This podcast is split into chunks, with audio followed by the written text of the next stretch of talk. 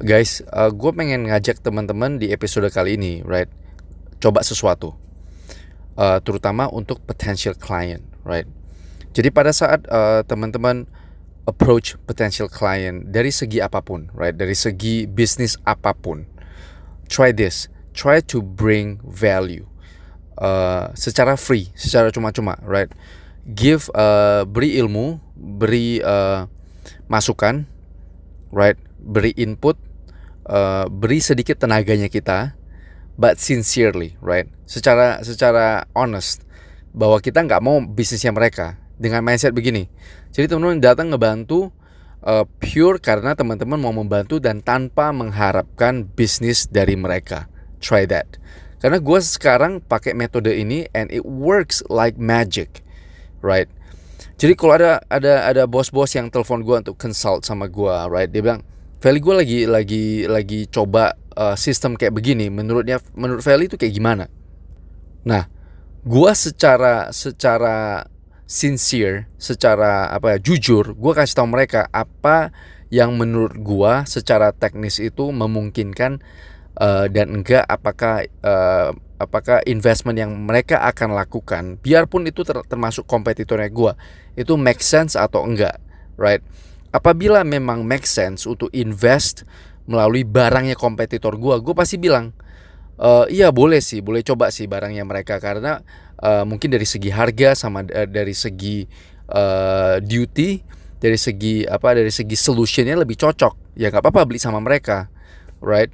Atau uh, kalau misalnya kayak tadi pagi gue diteleponin sama temennya gue uh, dia lagi mau masuk uh, ke ranah automation right?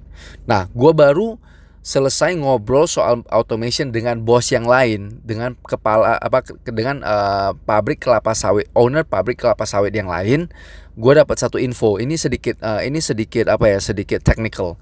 Nah jadi pabrik yang satunya ini bos ini diskusi sama gue soal uh, automating mesin presan sawit right? Jadi kita ngobrol uh, kalau gue pengen uh, automate mesin sawit press kayak begini uh, kalau gue pakai inverternya lu gini-gini bisa pakai bisa bisa masuk akal atau enggak right? Dari segi saving dari segi cost uh, cost effectiveness. Setelah gue pikir-pikir inverternya gue itu nggak solve problems right? Karena ida kalau gue kalau gue secara gak jujur kalau gue mau push barangnya gue gue pasti bilang cocok right? Lu bisa gue gue bisa mikirin cara bagaimana supaya inverter gue itu bisa dijustify untuk diinvest right? Tapi dari segi dari segi teknikal inverternya gue itu nggak masuk akal. It doesn't solve the problems. Ya gue bilang iya nggak cocok sih. Nggak cocok pak. Kalau dari segi inverter kita invest mahal-mahal inverter 30-40 juta but it doesn't solve the problem.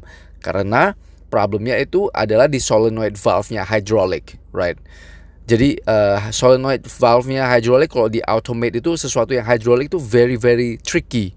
Jadi kadang kita invest uh, uang agak banyak uh, ke hydraulic system untuk automate itu dan susah dikontrol valve valve-nya valve-nya hydraulic itu kita buka sedikit pressure itu very difficult to control. Itu udah terkenal di dunia teknis. Nah jadi ini sedikit sedikit technical right? Jadi itu intinya begitu. Jadi gua gua bisa bilang bahwa iya barang gua itu nggak nggak masuk uh, nggak cocok untuk jadiin solution right? Nah temannya gua yang punya pabrik sawit juga telepon gua pagi ini. Ini gua diskusi sama bos yang lain itu beberapa hari yang lalu Nah dia telepon gue juga sama masalah automation. Bro gue pengen automate dari segi presan gini-gini. Gue udah deal sama satu orang uh, Satu proyek untuk uh, ini ini ini. Oke bang. Oke bro. Gak apa-apa. You go for it. Tapi ya gue bilang gue baru selesai diskusi sama satu bos kelapa sawit. Lu hati-hati dari segi automate mesin presan gini gini gini gini. Dan kalau lu butuh bantuan segala macam I'm happy to look uh, I'm, I'm happy uh, to take a look at it right? Uh, tanpa tanpa ada. Karena ini temennya gue dan gue sekarang treat potential clients gue itu as my friends right? Jadi gue gue uh, apa istilahnya otaknya gue ini adalah bukan cuma untuk jualan bukan untuk naikin omset but how I can provide value how I can solve uh, problems for them at the same time itu ya uh, timbal baliknya mereka itu pakai gua jasanya gua beli barang-barangnya gua. But gua utamain bantu mereka free of charge tanpa ada motif-motif mau jualan right? And it is a very very powerful uh, tool.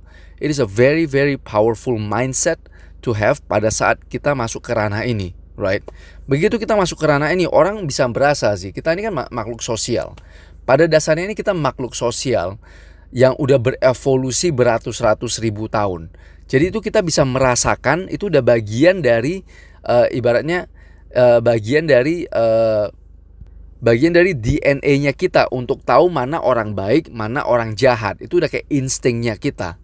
Jadi kita harus datang ke potential clients-nya kita. Dan gue percaya bahwa di di dunia ini lebih banyak orang baik daripada orang jahat, right?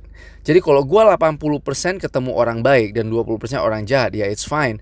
Dari 80% orang baik yang merasa gue ada value, they, pada saat mereka mau cari barang, mereka pasti cari gue right itu aja yang kita kita kita kita tanamin di otak kita pada saat kita approach potential clients make sure we are trying to solve their problems right dan kita sincerely jadi jadi istilahnya ibaratnya kita bantu mereka sampai uh, permasalahan mereka tuntas right?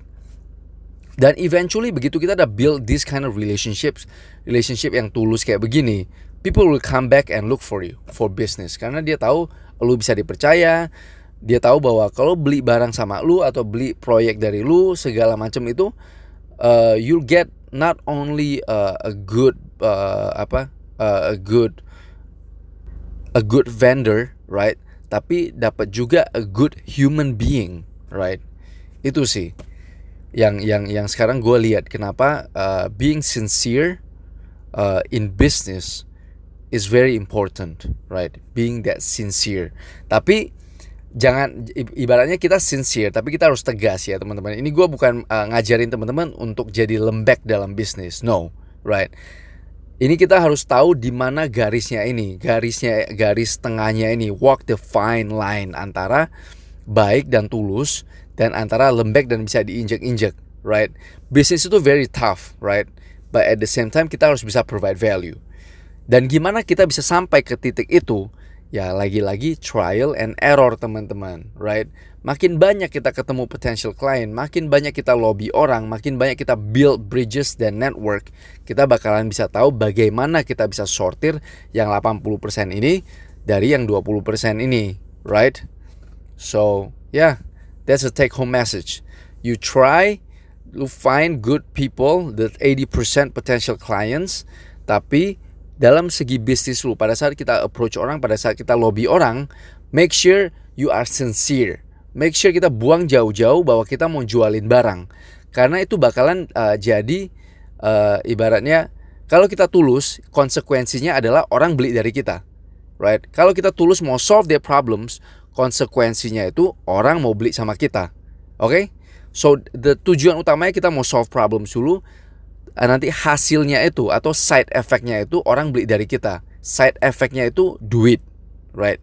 Tapi tujuan utamanya itu adalah solve the problems. Dari kita tujuan utama mau solve the problems, side effectnya, right? Lagi-lagi gue ingetin, side effect dari kita mau solve the problems adalah orang kasih kita duit. Oke? Okay? That's the kind of mindset that you guys should have menurut gue sih. Oke? Okay? See you guys at the next episode.